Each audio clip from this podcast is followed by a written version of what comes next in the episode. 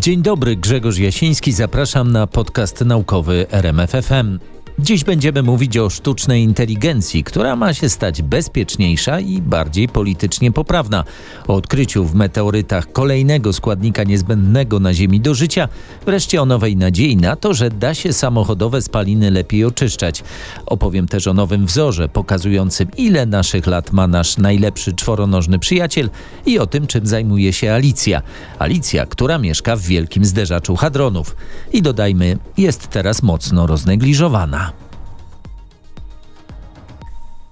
Amerykańscy naukowcy wbudowują w sztuczną inteligencję algorytmy, które mają działać bezpiecznie i w zgodzie z polityczną poprawnością. Jak piszą w najnowszym numerze czasopisma Science, chcą zabezpieczyć układy sztucznej inteligencji i uczenia maszynowego przed wyciąganiem niepoprawnych wniosków, takich, które mogłyby prowadzić na przykład do przejawów dyskryminacji rasowej czy ze względu na płeć. Autorzy pracy, badacze ze Stanów Zjednoczonych i Brazylii przekonują, że sztuczna inteligencja będzie miała coraz większe znaczenie w naszym życiu, dobrze byłoby, żeby jej tok rozumowania oddawał te wartości, które społeczeństwa obecnie uznają za ważne. Do tej pory zabezpieczenie się przed nieodpowiedzialnymi pomysłami układów sztucznej inteligencji należało do użytkownika. Teraz nowe algorytmy mają sprawić, że niepożądane pomysły w ogóle się nie pojawią. Autorzy pracy twierdzą, że podobnie jak można matematycznie zdefiniować pewne rozwiązania jako nadmiernie ryzykowne czy niebezpieczne i ich po prostu unikać, tak samo można uznać je za niesprawiedliwe czy nieuczciwe i dlatego niepożądane. Co ważne, twórcy nowych algorytmów zapewniają, że ich użytkownicy, ci, którzy będą chcieli wbudować je w swoje produkty, będą mogli wybrać, które z niepoprawnych politycznie idei chcą sztucznej inteligencji wyłączyć. W publikacji na łamach Science przypominają słynne trzy prawa robotyki, które na początku lat 40. minionego stulecia sformułował w swoich opowiadaniach amerykański pisarz Isaac Asimov. W świecie, w którym roboty miały człowiekowi służyć, prawa te zapewniały, że nigdy człowieka nie skrzywdzą no i nie dopuszczą przez zaniechanie, by doznał krzywdy. Zdaniem autorów zadawane przez Asimowa pytania pozostały aktualne do dziś. Nowa konstrukcja algorytmów ma umożliwić użytkownikom większą kontrolę nad ich bezpieczeństwem i uczciwością. Jeśli ktoś po prostu stosuje algorytm uczenia maszynowego, trudno w pełni panować nad działaniem programu, mówi Philip Thomas. To oznacza nieprzewidziane ryzyko wyników obliczeń, zarówno w przypadku działania autonomicznych pojazdów czy pomp insulinowych, jak i na przykład wyroków w sprawach kryminalnych czy decyzji dotyczących zatrudnienia. Nowe algorytmy mają sprawić, że użytkownicy będą w stanie narzucić sztucznej inteligencji ograniczenia dotyczące bezpieczeństwa czy właśnie sprawiedliwości. Nazwaliśmy algorytmy stworzone nową metodą seldońskimi w nawiązaniu do jednej z postaci opowiadań Asimowa. Harry'ego Seldona, tłumaczy Thomas. Jeśli używamy seldońskiego algorytmu przy terapii cukrzycy, możemy określić jako niepożądane stany o niebezpiecznie niskim poziomie glukozy we krwi. Możemy nakazać maszynie, by poprawiając działanie pompy insulinowej, unikała zmian prowadzących do częstszych przypadków hipoglikemii. Większość dotychczasowych algorytmów nie brała tego pod uwagę, we wczesnych pracach się tym po prostu nie przejmowano. Działania na rzecz tego, by łatwiej można było kontrolować bezpieczeństwo i uczciwość algorytmów uczenia maszynowego stają się coraz ważniejsze w miarę tego, jak sztuczna inteligencja coraz silniej wpływa na nasze życie, dodaje pierwszy autor pracy. Twórcy nowego oprogramowania do uczenia maszynowego wprowadzili aż 21 różnych kryteriów, według których programy mają definiować sprawiedliwość i uczciwość. Chodzi o to, by użytkownicy wykorzystujący algorytmy do konkretnych zastosowań i tworzenia określonych produktów mogli jak najlepiej dopasować je do swoich potrzeb. Każdy może zdefiniować niepożądane zachowanie systemu w nieco inny sposób. U sztywne prawa robotyki mogą prowadzić do paraliżu robotów, które nie będą w stanie działać, nie mając absolutnej pewności, że nie skrzywdzą człowieka. Można to obejść rezygnując z pewności i zastępując ją sensownym prawdopodobieństwem. To właśnie proponują autorzy publikacji w Science, dając równocześnie możliwość narzucania przez użytkownika konkretnych ram, poza które rozwiązania nie będą mogły wyjść. Testy nowych algorytmów przeprowadzono na przykład dla zadania przewidzenia średniej ocen 43 tysięcy studentek i studentów w Brazylii na podstawie wyników egzaminów wstępnych. I co? Okazało się, że program potrafił wykonać zadanie, omijając przy tym wszelkie pułapki związane z dyskryminacją ze względu na płeć. Chcemy rozwoju sztucznej inteligencji, która respektuje wartości bliskie jej użytkownikom i zasługuje na zaufanie, dodaje profesor Emma Brunskill ze Stanford University. Trudno się z nią nie zgodzić, choć mam wrażenie, że i zgodzić się całkiem trudno. Dużą sensację w minionym tygodniu przyniosły doniesienia tygodnika New Scientist o tym, że lekarze University of Maryland School of Medicine wprowadzili pierwszych ciężko rannych pacjentów w stan hibernacji, by zwiększyć szanse uratowania im życia. Informacje na ten temat potwierdził dziennikarzom tygodnika Samuel Tisherman, który o testach nowej metody mówił w poniedziałek podczas poświęconego zagadnieniom reanimacji sympozjum w Nowym Jorku. Nie jest jasne, ilu pacjentów uczestniczyło w dotychczasowych eksperymentach i ilu je przeżyło. O tym, że obniżenie temperatury ciała ciężko rannego pacjenta może dać lekarzom dodatkowy czas niezbędny do przeprowadzenia operacji i uratowania mu życia, medycyna dyskutuje już od dawna. Wiadomo, że w takim stanie organizm potrafi dłużej przetrwać bez tlenu. Wykorzystują to m.in. kardiochirurdzy.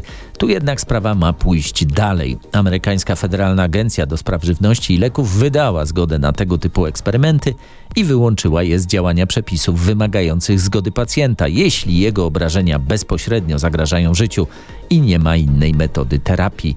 Technika zwana EPR może dotyczyć pacjentów, którzy trafiają do University of Maryland w Baltimore z poważnymi obrażeniami, np. ranami postrzałowymi lub kłutymi w stanie zatrzymania krążenia po utracie ponad połowy objętości krwi. W normalnych okolicznościach lekarze mają bardzo niewiele czasu na podjęcie operacji, a szanse uratowania pacjenta są mniejsze niż 5%. Jak pisze New Scientist, EPR polega na gwałtownym schłodzeniu pacjenta do temperatury 10-15 stopni Celsjusza przez zastąpienie jego krwi zimnym roztworem soli fizjologicznej. Aktywność mózgu spada w takich warunkach do minimum. Uważa się, że lekarze mają potem około dwóch godzin czasu na przeprowadzenie operacji, ponowne podanie krwi, ogrzanie pacjenta i wznowienie akcji serca. Testy prowadzone na świniach pokazały, że taka procedura pozwala zoperować i przywrócić zwierzętom krążenie nawet po trzech godzinach. Zdaniem lekarzy z Baltimore można było podjąć już eksperymenty z udziałem ludzi. Tischerman ujawnił, że plan testów przewiduje przeprowadzenie 10 zabiegów z wykorzystaniem tej techniki EPR i porównanie ich wyników z 10 przypadkami osób, które kwalifikowałyby się do tej procedury, ale nie zostały jej poddane. Dlaczego nie zostały jej poddane? Bo wymaga bardzo dużej liczby lekarzy i nie zawsze w szpitalu taka liczba lekarzy jest pod ręką. Tischerman przyznał, że jego zespół w Baltimore wprowadził już w taki stan co najmniej jedną osobę. Nie ujawnił jednak, ile osób przeżyło taką procedurę. Zapowiedział, że jego zespół liczy na to, że pełne wyniki testów będzie w stanie przedstawić do końca przyszłego roku. Chcę z całą mocą podkreślić, że my nie zamierzamy tu wysyłać ludzi na Saturna, mówi Tischerman. Nasza procedura zmierza do tego, by w sytuacjach nagłych zyskać na czasie i móc uratować większą liczbę rannych pacjentów. Lekarze przyznają, że wiele niewiadomych dotyczy też procedury przywrócenia krążenia krwi, która również może powodować uszkodzenia tkanek, szczególnie jeśli dostęp tlenu był ograniczony przez dłuższy czas. Nie sposób oprzeć się wrażeniu, że badania wciąż pozostają na wczesnym etapie. Tisherman faktycznie mówił o nich podczas sympozjum w Nowym Jorku, ale miał na swój referat tylko 15 minut. To oznacza, że nie mógł prezentować prawdziwie przełomowych wyników. Międzynarodowy zespół naukowców po raz pierwszy odkrył w meteorytach ślady cukrów prostych, niezbędnych do życia, jakie znamy.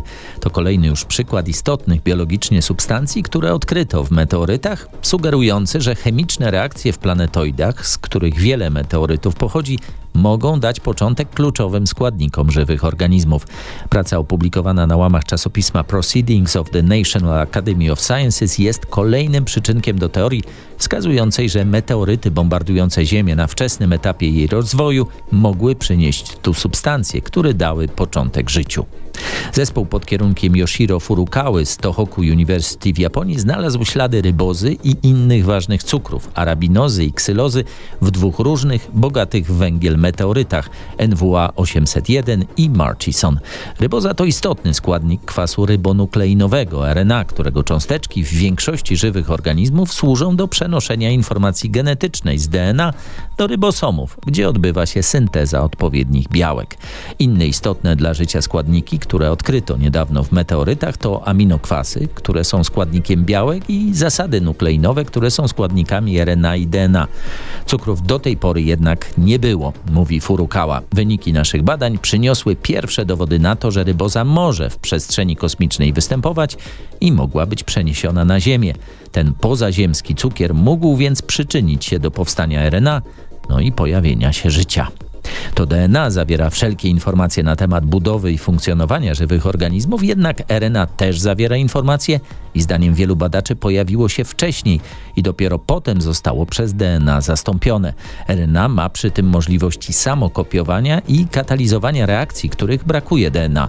Nowa praca pokazuje, że teoretycznie RNA mogło sterować rozwojem życia przed pojawieniem się DNA. Cukru występującego w DNA dezoksyrybozy nie udało się w żadnym z badanych meteorytów znaleźć, mówi kolejny ze współautorów pracy, Danny Glavin z NASA Goddard Space Flight Center. To istotne, bowiem może sugerować, że to pozaziemska ryboza mogła trafić na wczesną Ziemię. To byłoby zgodne z hipotezą, że RNA pojawiło się wcześniej. Naukowcy musieli oczywiście odpowiedzieć na naturalne w tego typu przypadkach pytanie, czy znalezione w meteorycie cukry nie są przypadkiem śladami zanieczyszczenia z Ziemi. Pomogła w tym analiza izotopowa. Życie na Ziemi preferuje lżejszą odmianę izotopową węgla C12, tymczasem próbki zawierały taką przewagę węgla C13, że nie mogły pochodzić z ziemskiego życia. Poszukiwania życia poza Ziemią stały się właśnie jeszcze ciekawsze. Międzynarodowy zespół naukowców pod kierunkiem badaczy z University of Manchester opracował technologię, która może pomóc eliminować ze spalin samochodowych szkodliwy dwutlenek azotu. Nie koniec na tym, wychwycony gaz będzie można z pomocą wyłącznie wody i powietrza przerabiać na potrzebny w przemyśle nawozów sztucznych kwas azotowy. Przyznajmy, to brzmi trochę nazbyt piękne, by mogło być prawdziwe, a jednak autorzy publikacji na łamach czasopisma Nature Chemistry zapewniają, że to nie są bajki. Kluczem do sukcesu ma być zastosowanie nowoczesnych, silnie porowatych materiałów, tzw. Tak sieci metaloorganicznych MOW, które w małej objętości zawierają gigantycznych rozmiarów powierzchnię czynną. Dość powiedzieć, że gram takiego materiału daje powierzchnię czynną wielkości boiska piłkarskiego. To na niej, jak w klatce, wiązany jest dwutlenek azotu. Stworzony przez badaczy University of Manchester materiał MFM 520 wychwytuje przepływający dwutlenek azotu w obecności innych gazów spalinowych, dwutlenku siarki i dwutlenku węgla, a także pary wodnej. Pracuje przy tym przy normalnym ciśnieniu, a maksimum wydajności osiąga w temperaturze około 45 stopni Celsjusza, w sam raz dopasowanej do warunków pracy układu wydechowego samochodu. Nie koniec na tym, układ z MFM 520 można wielokrotnie regenerować, odgazowując go lub oczyszczając z pomocą powietrza i wody, no i otrzymując w zamian właśnie kwas azotowy, istotny surowiec do produkcji nawozów sztucznych. To pierwszy materiał typu MOW, który pozwala najpierw przechwycić, a potem przetworzyć toksyczne gazowe spaliny w cenny dla przemysłu surowiec, mówi dr Shihai Yang z Zakładu Chemii Uniwersytetu w Manchesterze. Globalny rynek dla kwasu azotowego miał w 2016 roku wartość 2,5 miliarda dolarów, dodaje profesor Martin Schroeder, dziekan Wydziału Nauki i Inżynierii tego uniwersytetu. Producenci zainteresowani naszą technologią MOW mogliby zredukować część kosztów albo nawet zwiększyć sobie zyski sprzedając kwas azotowy. Tym bardziej, że do jego wytwarzania potrzebna jest, przypominamy, tylko woda i powietrze. Autorzy pracy przekonują, że ta technologia może przynieść istotny postęp w oczyszczaniu spalin samochodowych i pomóc w ograniczeniu szkodliwych dla środowiska skutków emisji NO2.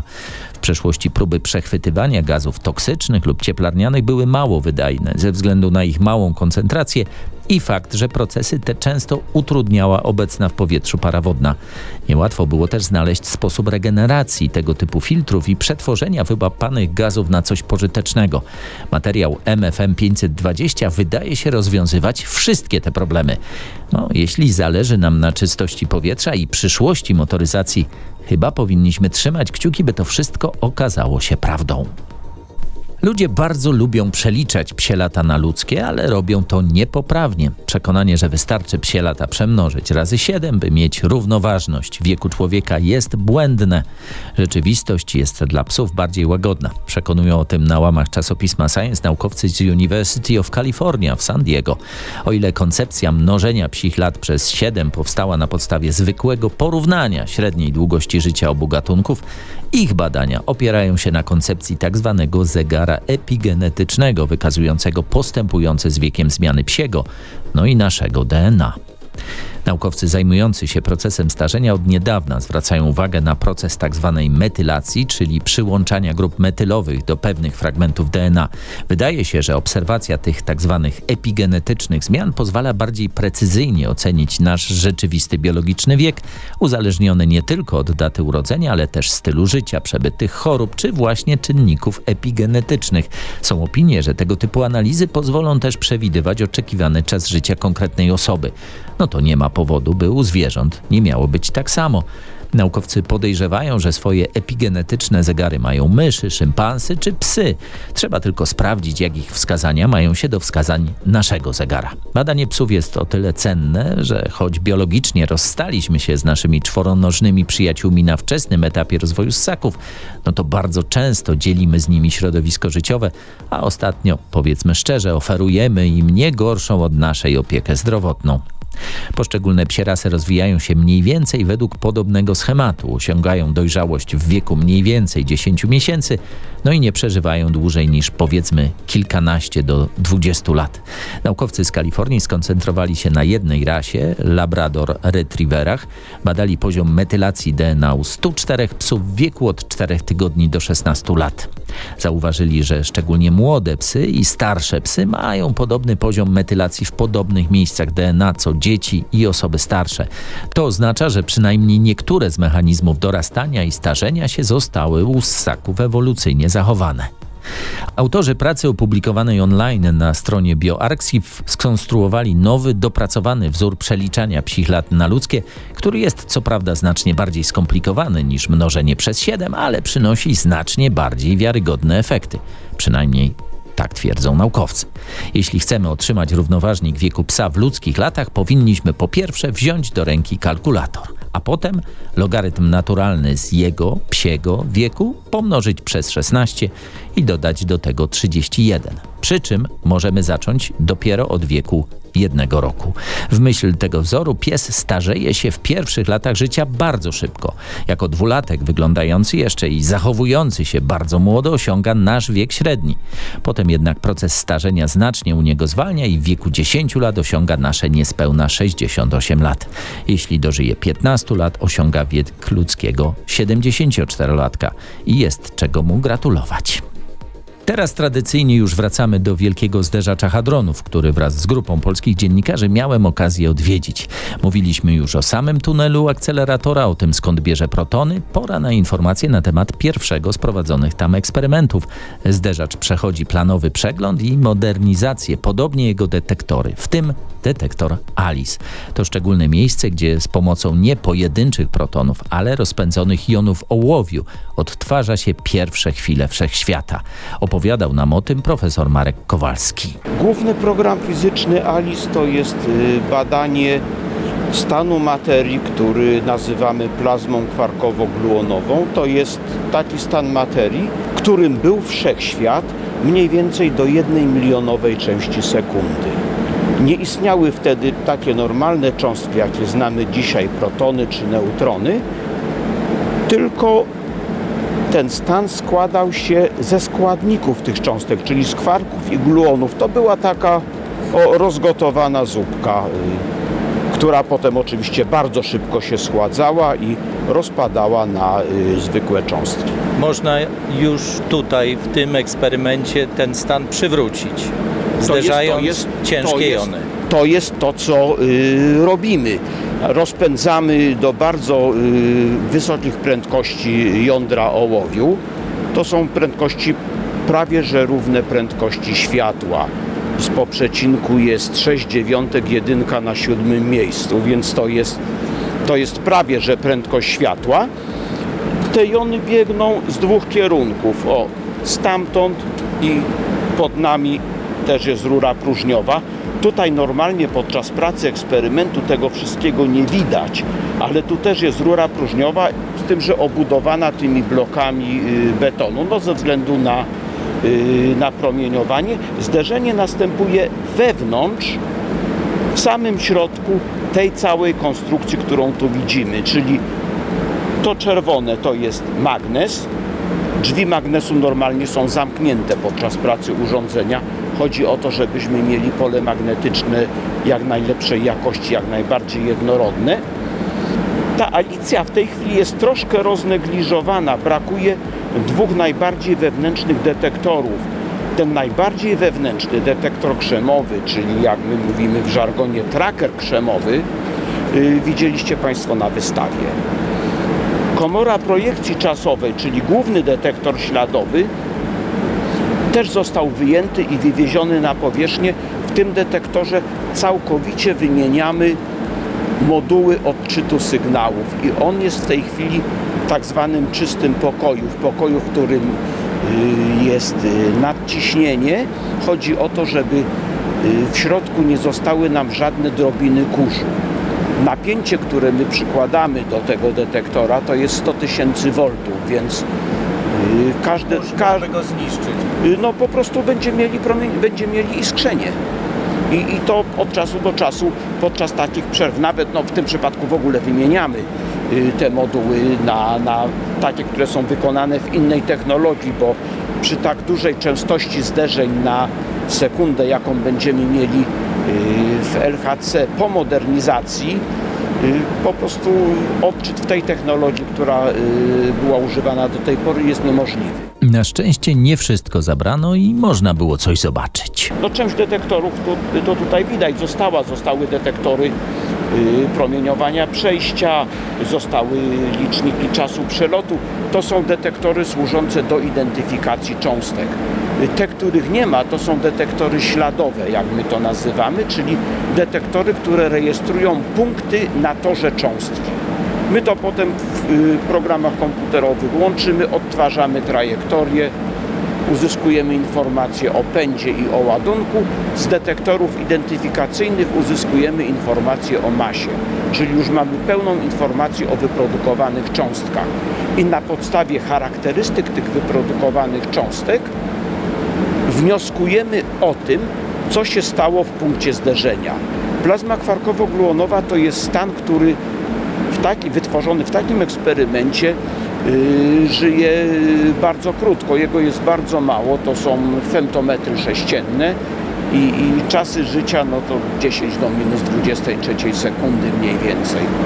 Czyli znacznie yy, krócej żyje niż ten wczesny wszechświat, który dopiero po mniej więcej jednej y, milionowej sekundy zaczął się rozpadać do, do zwykłych cząstek. Po prostu dlatego, że tego jest mało wszystkiego. Same zderzenia są bardzo skomplikowane. Miałem okazję o to zapytać. Bo zderzenia protonów już yy, powodują gigantyczny bałagan, rozpada się wszystko. No dużo tych jeżeli, cząstek. je- jeżeli teraz weźmiemy, zmultiplikujemy to i zderzymy jony ołowiu, to tych cząstek jest już gigantycznie dużo. Kilkanaście tysięcy średnio w każdym zderzeniu powstaje. Jak Alice to robi, że jest w stanie je identyfikować? Co jest, y, co jest kluczem do sukcesu i specjalizacji tego detektora w tego typu właśnie eksperymentach? No to to jest cała szafa z kluczami. Y, Przede wszystkim wielkość. To jest dlatego tak duże, że te cząstki się rozlatują i na odległości powiedzmy 5 metrów od punktu zderzenia one już nie są tak gęsto, możemy już je w naszych detektorach możemy je rozróżnić. Poza tym no, zaprojektowaliśmy detektory według y, naszej najlepszej wiedzy w taki sposób, żeby miały najlepszą zdolność rozdzielczą, czyli żeby rozróżniały dwa punkty położone bardzo blisko siebie. Ale kluczowa jest y, wielkość. Zresztą wszystkie eksperymenty na LHC są takie wielkie. Bo chodzi o to, że w ogóle my całą rekonstrukcję, cały pomiar zaczynamy właśnie od zewnętrznego promienia. W tą stronę byśmy, tam, tam jest po prostu no, taki bąbel i, i, i żaden detektor sobie z tym nie poradzi. Tak, Także to są, to są dwa takie y, klucze. Poza tym właśnie staraliśmy się budować detektory w takiej technologii, żeby to były detektory szybkie, o małym czasie martwym. Każdy detektor po y, zarejestrowaniu oddziaływania no musi potem wrócić do swojego stanu pierwotnego. Y, W komorze projekcji czasowej na przykład wszystkie elektrony muszą zdryfować do odczytu, żeby ona była pusta. To jest najwolniejszy detektor. On ma czas martwy około 80 mikrosekund. I to jest naprawdę najwolniejszy detektor. Tutaj to są nanosekundy, czy liczniki czasu przelotu to są pikosekundy. Czy któraś z cząstek jest w stanie wylecieć poza detektor, czy wszystkie kończą swoje życie w środku? Y, Sporo ich wylatuje y, poza detektor. Oczywiście tutaj to żelazo magnesu y, swoje robi, ale Nie wszystkie obserwujemy do końca jakby. one lecą dalej. One przelatują przez detektor, lecą dalej. Część z nich może oddziaływać y, w jarzmie magnesu, część może, zwłaszcza tych przenikliwych, na przykład miłonów, to się na pewno wydostaje na zewnątrz. I, I po prostu no tutaj gdzieś w tych, tych blokach betonu, którymi jest obudowana hala i w tych 60 metrach yy, gruntu to wszystko grzęźnie. Także na, na zewnątrz yy, nie rejestruje się promieniowania pochodzącego od LHC i od detektorów. Co dzieje się w wielkim zderzaczu hadronów, zostaje w wielkim zderzaczu hadronów? Nie do końca. Wychodzą stamtąd dane w gigantycznej ilości. O tym, dokąd trafiają, będziemy jeszcze mówić, choć nie za tydzień. Tyle na dziś. W kolejnym podcaście naukowym RMFFM wrócimy oczywiście do eksperymentów wielkiego zderzacza hadronów, ale zastanowimy się też, co dalej z dziećmi na zamówienie. W przyszłym tygodniu minie rok od konferencji naukowej, na której chiński badacz He Jiankui ujawnił, że zmodyfikował genetycznie parę bliźniaczek.